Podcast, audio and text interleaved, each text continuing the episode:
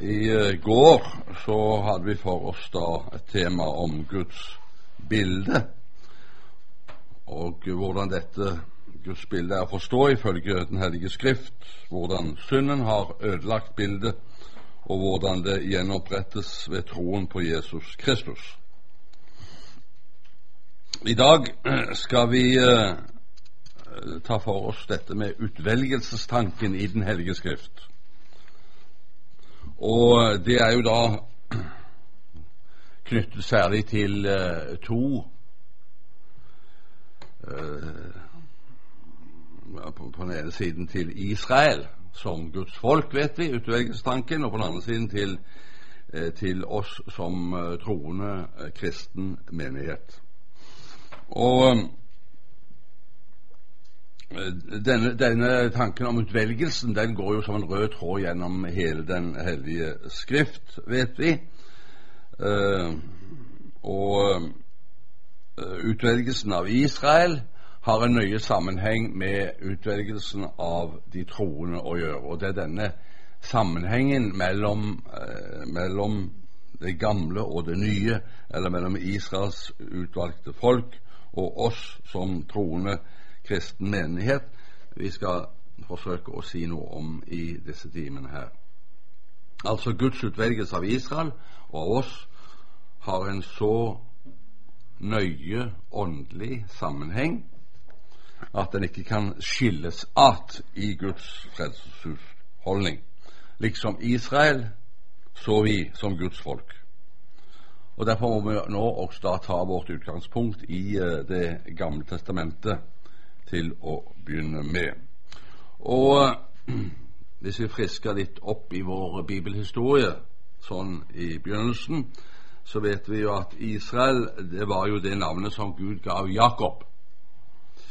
Det fikk han etter at han hadde kjempet med Gud for å få ham til å bekrefte at den velsignelsen som han hadde tilegnet seg på urettmessig måte av sin bror Esau, eller Isak, sin far, den var gyldig. Fortelles om i første Mosebok 32.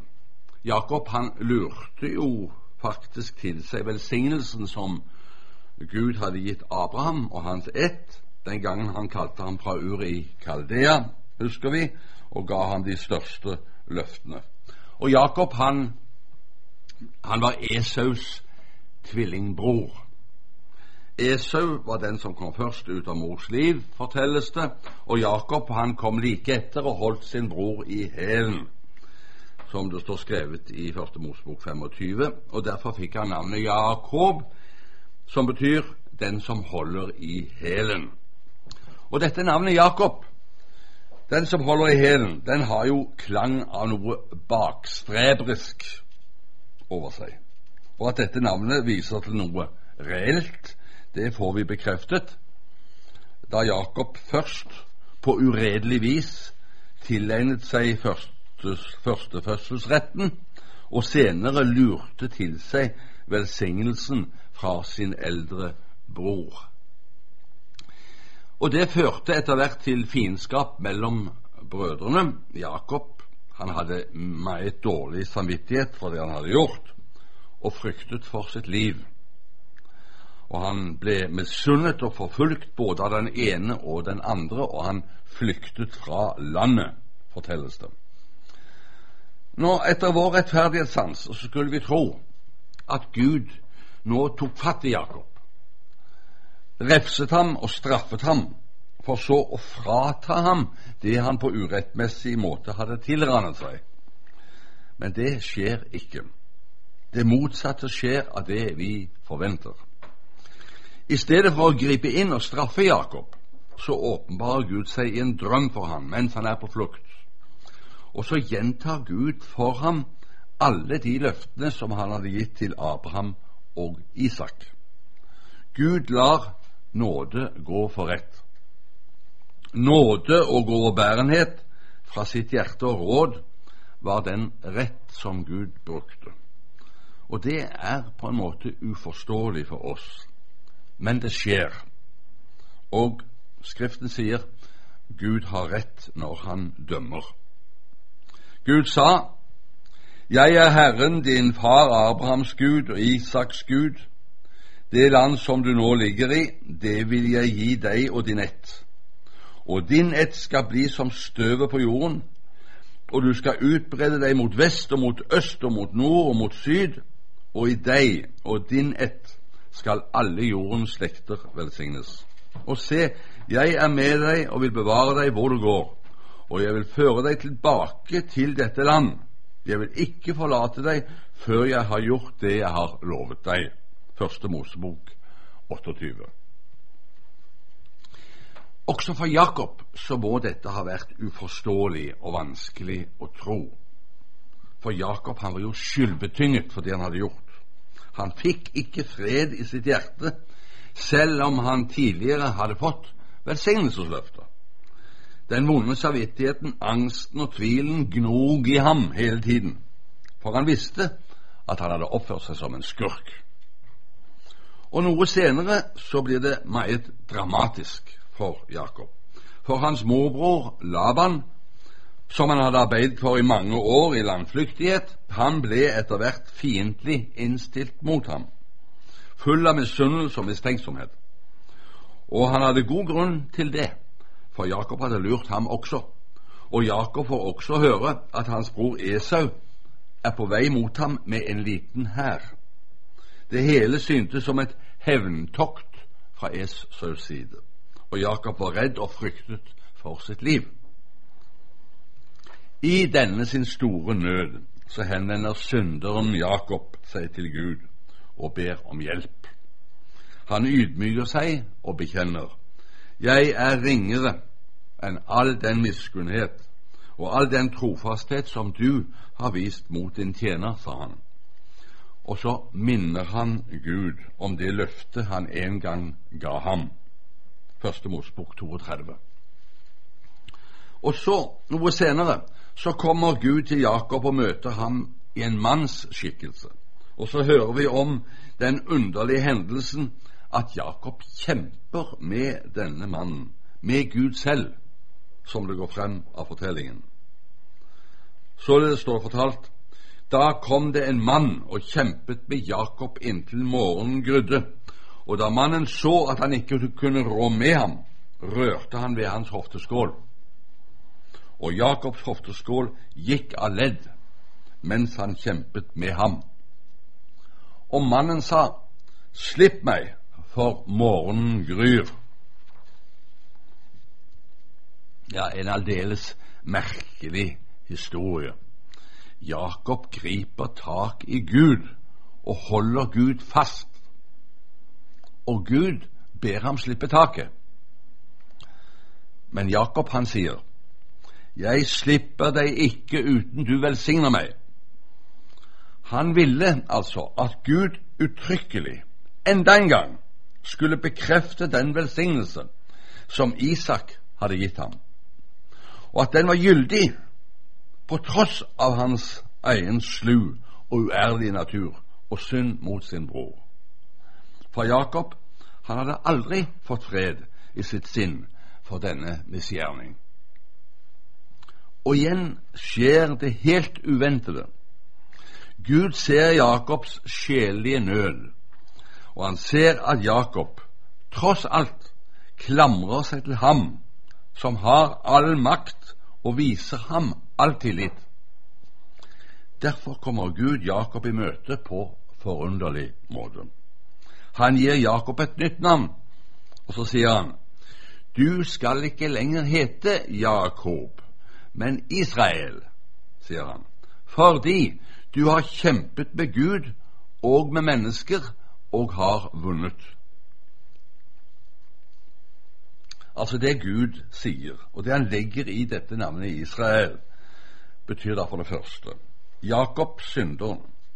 Han hadde i tillit til Gud kjempet med ham for å få tilgivelse og velsignelse på tross av sin synd. Og han fikk den. Han vant den kampen med Gud ved sin tro og tillit til ham og ved Guds nåde. Slik er Gud. Dernest betyr navnet Israel Jakob, synderen, han seiret ved sin tro på Gud, også i kampen mot dem som ville ham til livs på grunn av hans uredelighet. For han ble først tatt til nåde hos Gud ved sin tro, og som en følge av det kom han til forståelse med sine fiender, både med Laban og med Esau. Men det var Gud som lot Jakob vinne denne kampen, og det skjedde bl.a. derved at Gud ga Esau et tilgivende sinn. Så bønnhører altså Gud Jakob, og han gjør det helt og fullt i overbærenhet og nåde mot synderen. Gud bekrefter for Jakob det løftet som han hadde fått av Isak tidligere, og han gjør det med en ny velsignelse. Og når Gud tilgir synd og velsigner, da er det ikke småtterier. Velsignelsen fra Gud lød således. Så gi Gud deg av himmelens dugg og av jordens fedme og korn og most i overflod. Folk skal tjene deg, og folkeslag skal falle deg for fote. Vær herre over dine brødre, og måtte din mors sønner falle deg til fote. Forbannet være den som forbanner deg, og velsignet den som velsigner deg. Første Mosebok 27. Når Gud gir Jakob det nye navn Israel, så er det altså breddfullt av mening og kraft. Det gjelder alltid når det er Gud selv som gir navn, vet vi. Og Av mange eksempler kan vi bare tenke på det navnet Gud bød at Jesus skulle ha. Det betyr jo Herren frelser direkte. Det samme som Immanuel, dvs. Si Gud med oss. Og vi vet at det dette navnet uttrykte, det var sprengfylt av guddommelig makt, kraft og mening. På samme måte har navnet Israel både mening og kraft fra den levende Gud selv. Navnet Israel har både en billedlig symbolsk og en historisk reell kraft og betydning i seg. Navnet står for den sak det gjelder, og som Gud selv skal råde over. Det bærer i seg en realitet som både sier noe om fortid, nåtid og fremtid i Guds råd. Fordi Gud er navngiveren, er navnet Israel som Guds eget ord. Det betyr at den kraft det bærer i seg, alltid er gyldig og alltid er virksom. Navnet Israel som Jakob får av Gud, innebærer et løfte. Gud lover med navnet at dette folk, Abrahams, Isak og Jakobs ett, av Guds frie og uransakelige nåde, skal bli tatt vare på av Gud og være under hans beskyttelse og velsignelse. Israel skal nok kjempe både med Gud og med mennesker. Det ble sagt, det ligger i navnet. Men ved sitt tro og sin tillit til Gud så skal dette folket til slutt vinne seier, liksom Jakob den gang gjorde det da han kjempet med Gud og holdt ham fast i tro og tillit. Det er Guds eget løfte og Hans nåde alene. Folket og landet Israel har altså fått sitt navn av Gud selv.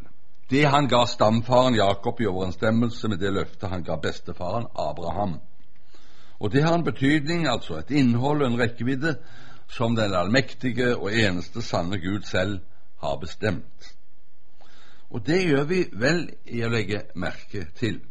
For her er det altså ikke tale om et hvilket som helst land og folk, men om et folk og et land som Gud selv i sin egen åpenbaring har gitt navn, og som han derfor bruker for å fremme sin sak etter sitt råd og sin vilje. Det første Guds ord sier oss i den historien vi nå har frisket opp, om Guds velsignelse og løfte, og om Jakob og hans nye navn i Israel, er at Guds råd og løfte, det står fast på tross av mennesker og menneskers skrøpelighet og synd. Jakobs store synd kunne ikke omstøte eller forandre noe på det Gud hadde bestemt og lovet. Det er irrasjonalt, men det står fast. Derimot vender Gud Jakobs synd om på en måte, slik at det kan tjene hans frelsesråd. Gud bruker et syndig menneske i sin tjeneste, således at det tjener hans sak. Derfor kan vi vite med sikkerhet at det Gud selv har bestemt og besluttet i sitt frelsesråd, det står fast, uansett menneskers råd og vilje. Gud handler etter sitt fortsett og etter sin visdom. Og det som da skjer, skjer like ofte både over, med og mot menneskers råd og forstand. Det er hele åpenbaringshistorien et vitnesbyrd om, således som vi har den i Den hellige skrift.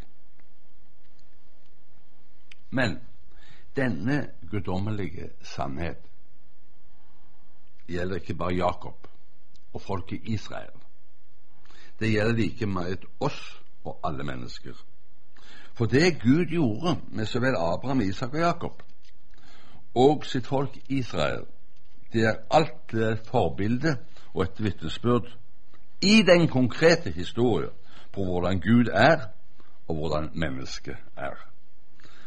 Alt som er skrevet om Israels folk og dets forhold Gud i Den hellige skrift, er skrevet for oss til lærdom, til overbevisning, til rettledning og til opptuktelse i rettferdighet, sier apostelen Paulus i 2. Timotus 3,16. Eller han sier det er skrevet som et forbilde for oss, som han sier et annet sted i første kor, Korinterbrev, kapittel 10, vers 6. Hver gang Guds råd og vilje kommer på tvers av det vi syns er rimelig og forstandig, så sier mennesket men dette er da ikke mulig, og det er heller ikke rimelig. Da svarer Gud med sin profet Jesajas. Hvem har målt Herrens ånd, og hvem lærer ham som hans rådgiver?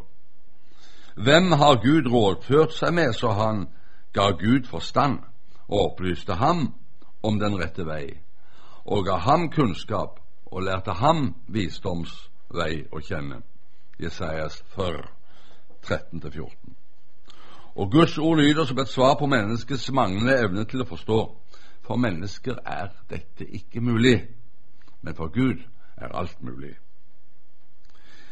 Når det gjelder Guds suverene utvelgelse av og nådepakt med og troskapsløfte til sitt utro og syndige folk i Israel, og som mennesker flest synes både er urimelig og meningsløst, så sier apostelen Paulus i Roman 11, 33 følgende O dyp av rikdom og visdom og kunnskap hos Gud.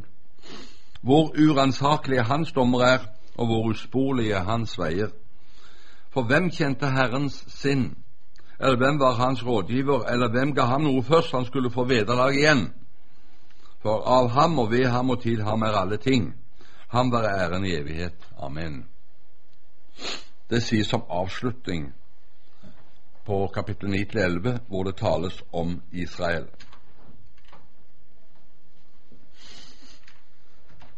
Her står vi ved noe av det mest fundamentale og det mest ubegripelige i hele Guds åpenbaring til oss og til vår frelse.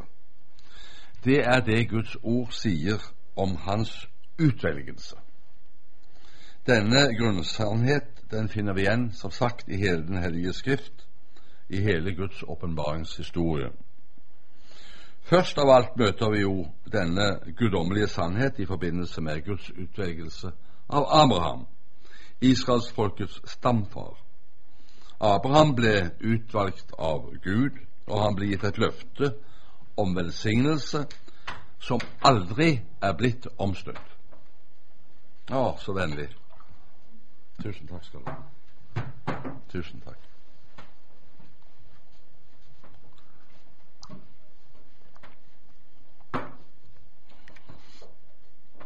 Abraham ble gitt et løfte som aldri er blitt omstøtt. Og denne utvelgelse den ble jo ført videre i Abrahams slekt etter løftet, dvs. Si Israels folk. Og målet for denne utvelgelse var at Gud i dette folket ville føre frem sin frelse.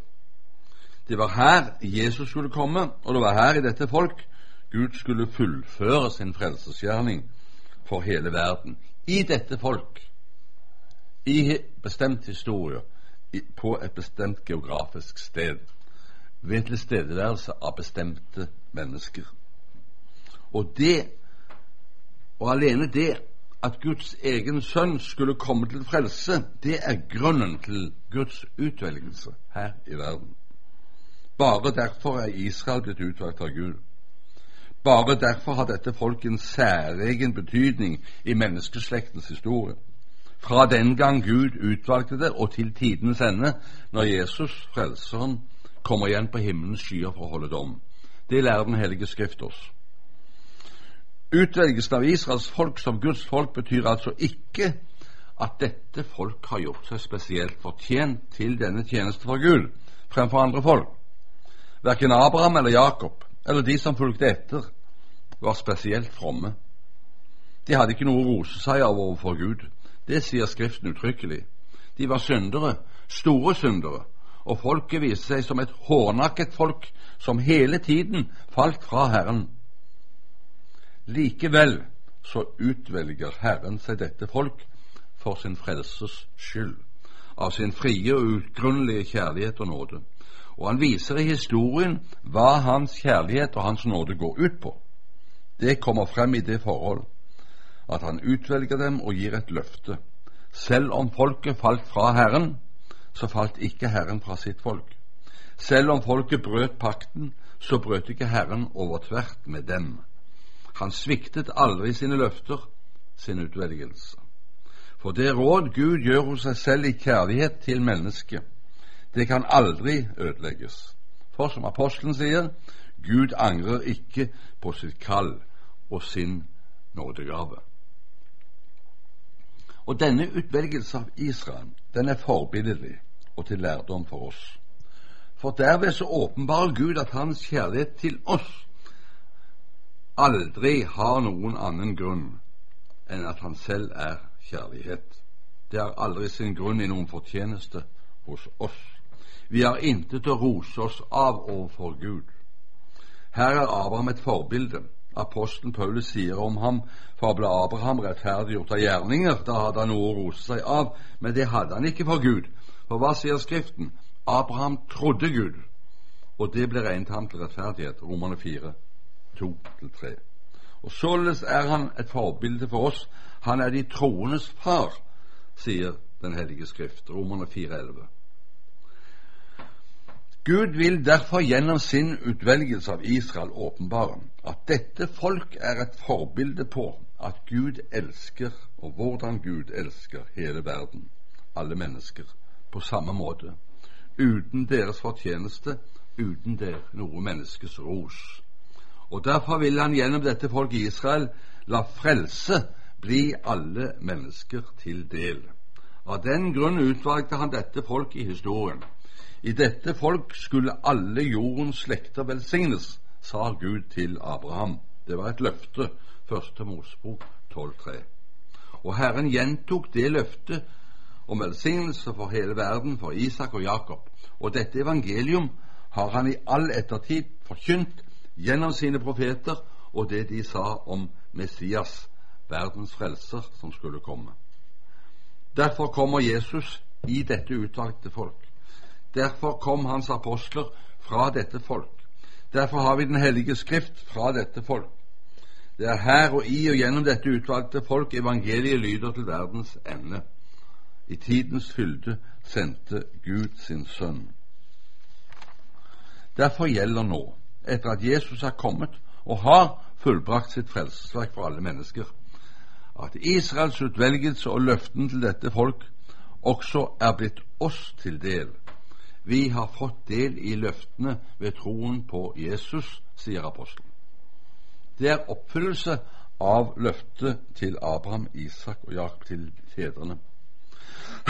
Det er det Paulus henviser til når han sier at før vi kom til troen, før vi kom til troen, så sto vi utenfor Kristus, utelukket fra Israels borgerskap og fremmede for paktene med deres løfte, uten håp og uten Gud i verden. Men nå, i Jesus Kristus, er vi kommet nær ved ved Kristi blod, sier han, Efeserne 2, 12-13. Og når han også sier at hedningene er blitt medarvinger, altså vi er blitt medarvinger med Israel, og hører med til legemet og har del i løftet i Jesus Kristus ved evangeliet. Efeserne 3,6. Så er Israel, det folket utvalgte til seg et bilde og en, et pant på Guds troskap mot sin utvelgelse og sitt løfte, både for Israel og for alle dem som har del i nådepakten i Jesus Kristus, den kristne menighet. Men Israel er også et bilde på det vantro og syndige mennesket, som alltid og inntil denne dag ikke har villet ta imot Guds frelse og tro på Jesus Kristus. Derfor er det til en tid blitt forherdet, sier apostelen, Roman 11,7. Og av den grunn så holder Gud folket i villrede og i angst, både for Gud og for mennesker. Liksom han den gang gjorde med Jakob, før Jakob ydmyket seg og festet lit, lit til Guds nåde og miskunn. Det er som vi kan se det som skjer. Dette går i oppfyllelse den dag i dag. Israel er sannelig blitt et folk som både kjemper med Gud og med mennesker. Som Gud sa at navnet Israel betød den gang han ga navnet til Jakob. Men Israels folk har ennå ikke vunnet, vunnet, denne kampen, for folket har ikke omvendt seg til Herren. Men det er ikke slutten, sier Guds løfte. For i navnet ligger at det også skal seire til slutt. Som Gud sa til Jakob, du skal ikke lenger hete Jakob, men Israel. For begrunnelsen du har kjempet med Gud og mennesker og vunnet. Første Mosebok 32. Og apostelen sier, Paulus, har de da snublet for å falle? Langt derifra. Forherdelsen er delvis kommet over Israel inntil fylden av hedningene er kommet inn. Og således skal hele Israel bli frelst, som skrevet er. Fra Sion skal redningsmannen komme, og han skal bortrydde ugudeligheten fra Jakob. Romane 11, 25. Guds utvelgelse og løfte til Israel står fast, så sant folket har fått sitt navn av Herren.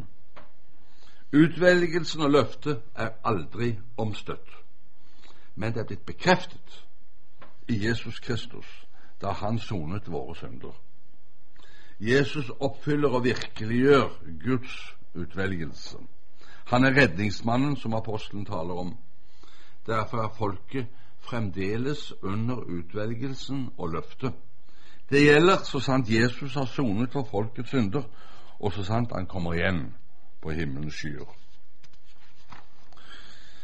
Det er først ved hjelp av Det nye testamentet at vi kan se den guddommelige sannhet om utvelgelsen av Israel og av oss som bekjenner troen, i rett lys. For her, i lys av frelsesløftets oppfyllelse Jesus Kristus, så blir det klart at utvelgelsen har en evighetsdimensjon over seg som vi umulig kan fatte og gripe annet enn i tro på det Guds ord uttrykkelig sier og lover. Derfor skal vi henvise til to steder fra Det nye testamentet hvor denne sannhet om utvelgelsen kommer aller klarest frem. Det er i Efeserbrevet kapittel 1 3 følgende og i Romerbrevets kapittel 8 28 følgende hvor apostelen uttrykkelig taler om denne sak. I Efeserbrevet sier apostelen, Efeserne 1,3 følgende Dem som Gud forutkjente, dem har han også forutbestemt til å bli likedannet med Hans Sønns bilde. Og dem som han forutbestemte, dem har han også kalt. Og dem som han kalte, dem har han også rettferdiggjort. Ut fra det apostelen her sier, blir det klart at Guds utvelgelse innebærer at Gud fra evighet av, fra før verdens grunnlov ble lagt, før du og jeg så dagens lys, da vi bare var i Guds tanke, har bestemt i sitt evige råd hos seg at du og jeg, som tror Guds ord og har tatt imot Jesus Kristus, skulle bli frelst og få evig liv. Gud valgte oss ut for seg før vi hadde muligheter til verken å si ja eller nei. Og her er det vår forstand kommer endelig til kort. Denne sannhet den er svimlende og umulig å fastholde rent tankemessig.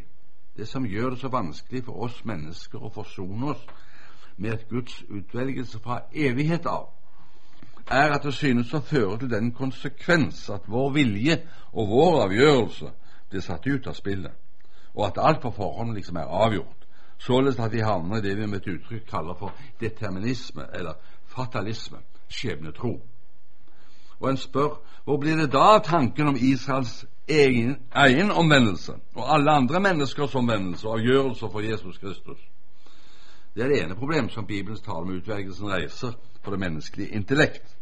Men også en annen innvending ligger nær. Når det er således at Gud har utvalgt noen til frelse fra evighet av, hva så med de som ikke er utvalgt? Er, det så forutbestemt, er de så forutbestemt til fortapelse? Så får man store problemer med å tenke seg Gud som rettferdig og kjærlig, som vil at alle mennesker skal bli frelst og komme til sannhetserkjennelse som Skriften sier. Disse innvendingene, dette anstøt som vår tanke tar av det Guds ord uttrykkelig sier om utvelgelsen, fører gjerne til at man overser denne sannhet fra Gud, eller omtolker den.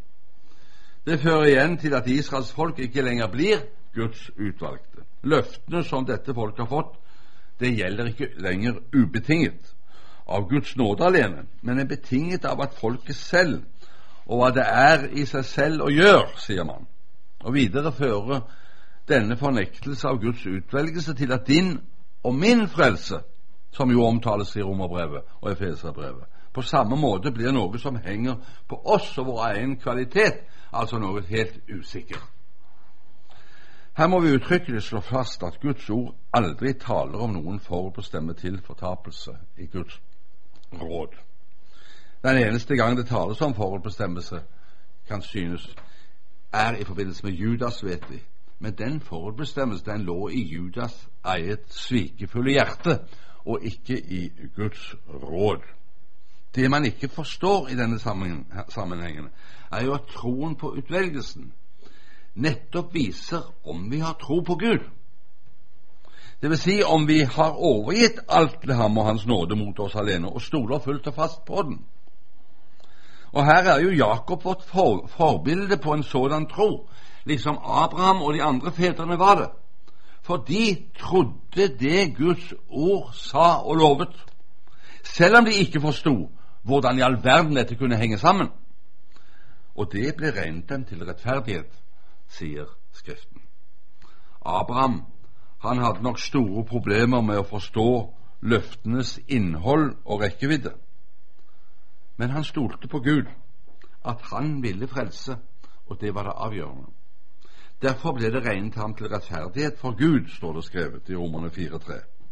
Og Jakob han fikk jo navnet Israel fordi han holdt fast i Gud og ikke ville slippe taket. Med andre ord, han klamret seg til det løftet som Gud hadde gitt til ham og hans slekt mens de var syndere og ikke hadde noe å rose seg av og derfor vant han.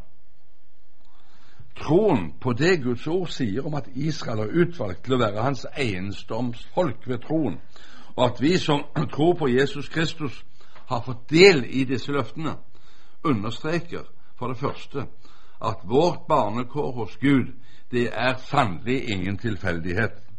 For vi var i Guds tanke som hans barn før verdens grunnvoll ble lagt i evigheten. At du og jeg i dag er troende mennesker, er det Gud som har sørget for. Han har ved sin forangående nåde i evangeliet kalt oss inn i sitt rike og gitt oss troen. Dernest sier utvelgelsen oss at det heller ikke er noen tilfeldighet at vi er født inn i denne verden.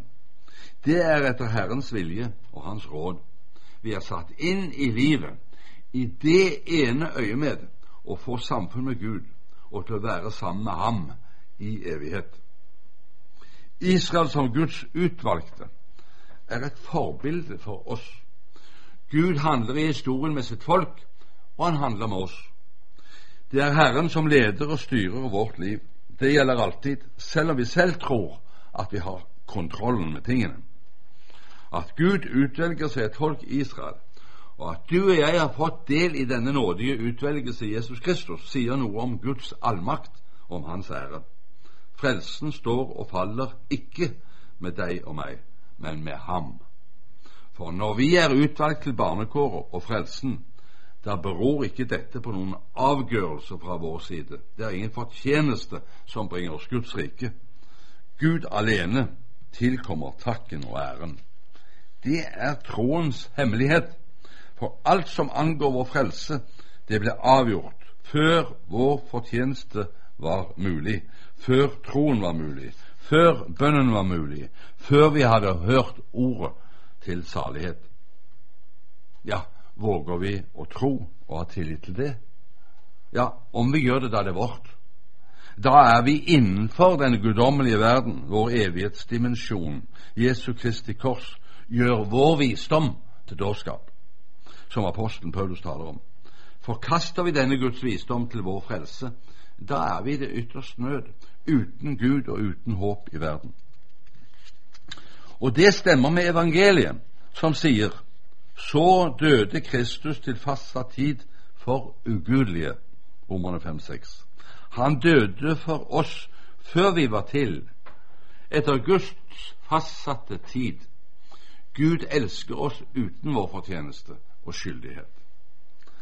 At Gud har utvalgt oss til barnekår hos seg, avskjærer all mulighet for selvros, all mulighet for gjerningsrettferdighet, det var dette punkt jødene hadde og fremdeles har så vanskelig for å godta. Det er selvgodheten og gjerningsrettferdigheten som alltid har hindret Guds utvalgte folk Israel å ta imot Jesus Kristus. Folket har ikke forstått Guds ords tale om syndefallets dybde og konsekvenser. Folket har ikke villet forstå at deres utvelgelse at det er på grunn av Jesus Kristus, Guds sønn, og hans soning for synd. Folk har ikke villet tro på Guds nåde alene. De har ikke villet holde fast i Gud, slik som Jakob gjorde. Slik kjemper, Således kjemper Guds eget folk med Gud den dag i dag. Kampen pågår, og den er ikke over. Den pågår i jødenes hjerter. Gud holder dem under loven for å tukte dem til omvendelse. Og som navnet sier, skal Guds folk seire til slutt. For Gud angrer ikke på sitt kall og sine nådegraver. En dag skal det skje at folket omvender seg til Herren. Da kommer Jesus tilbake fra himmelen til dom og frelse. Da skal folket se hva Guds utvelgelse betød. Jeg kommer til å bruke fem minutter. Ja, Hvis den er riktig, så klarer vi det akkurat til tiden, som trent. Så lenge vantroen og djevelen har makten over sinnet, omtolker og forvrenger mennesket Bibelens tale om utvelgelsen. Vantroen bruker Guds evangelium om utvelgelsen, som har adresse til hvert eneste menneske som tror på Gud, og som vil ta imot dette nådige ord, til å slutte at Gud må være urettferdig og nådeløs dersom han utvelger, i stedet for å la mennesket selv bære ansvaret for sine gjerninger. Guds velsignelse og nåde blir altså avvist. Evangeliet blir avvist. Og I stedet setter man gjerningsrettferdige og menneskelige fortjenestegjerninger som det avgjørende, hvilket jo blir til den lovens forbannelse i stedet for evangeliets velsignelse. For under Guds lov er vi alle fortapt, det vet vi. Således er det alltid når mennesker forherder seg mot Gud, og det er også Israels forherdelse til en tid. Men det skal komme en tid da Gud oppfyller sitt løfte. Da skal Guds folk omvende seg og bli frelst. Da kommer Jesus Kristus. Da skal de som oss med ett se det guddommelige lys om utvelgelsen. Og da blir det klart at Guds utvelgelse, det var å møte Gud som Gud. Da blir det klart hvor smålig og uhyre trangt vi tenkte om Gud. For det Gud gjorde da han fra evighet av bestemte seg for å utvelge Israel som sitt eiendomsfolk, for å frelse verden.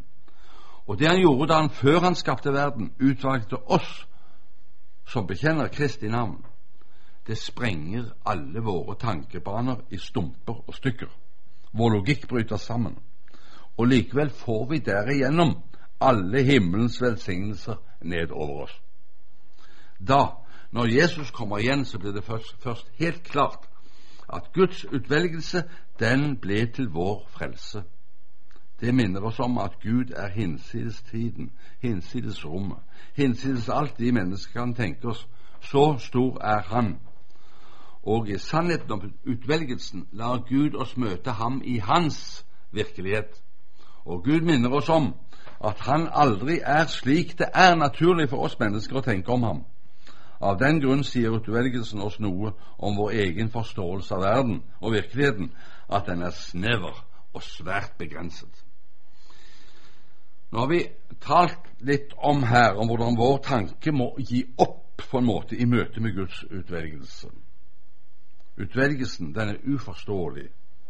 Men samtidig er det således at tanken, når den unnfanges i lydighet mot Guds ord og evangeliet, også på forunderlig måte får nye perspektiver. Guds utvelgelse åpner for en tankens og troens mulighet som våre vanlige regler for tenkning ikke gir rom for. Og da er vi i Guds verden. Vi blir på en måte i tanken satt over i en dimensjon hvor både rom og tiden er synlige og logikken sprenges. Og samtidig er det så vi bedre forstår apostelen Paulus når han sier om seg selv da han møtte Gud. Og jeg kjenner et menneske. Om han var i legeme eller utenfor legeme, det vet jeg ikke. Gud vet det. Han ble rykket inn i paradis og hørte usigelige ord som det ikke er et menneske tillatt å tale. 2. kor 12, 2 og 4 i sannheten om utvelgelsen av Israel som Guds folk, og av oss som delaktige i denne utvelgelse for Kristi skyld, så møter vi Gud. Og Han forløser på forunderlig måte vår forståelse av at det vi ikke forstår, er for intet å regne mot det vi vet. Ja, si at det vi vet, egentlig vet og forstår, det er egentlig for intet å regne mot det vi ikke vet og ikke forstår. Men når Jesus kommer igjen, da skal alt bli klart. Og der er tiden ute. og sier takk for.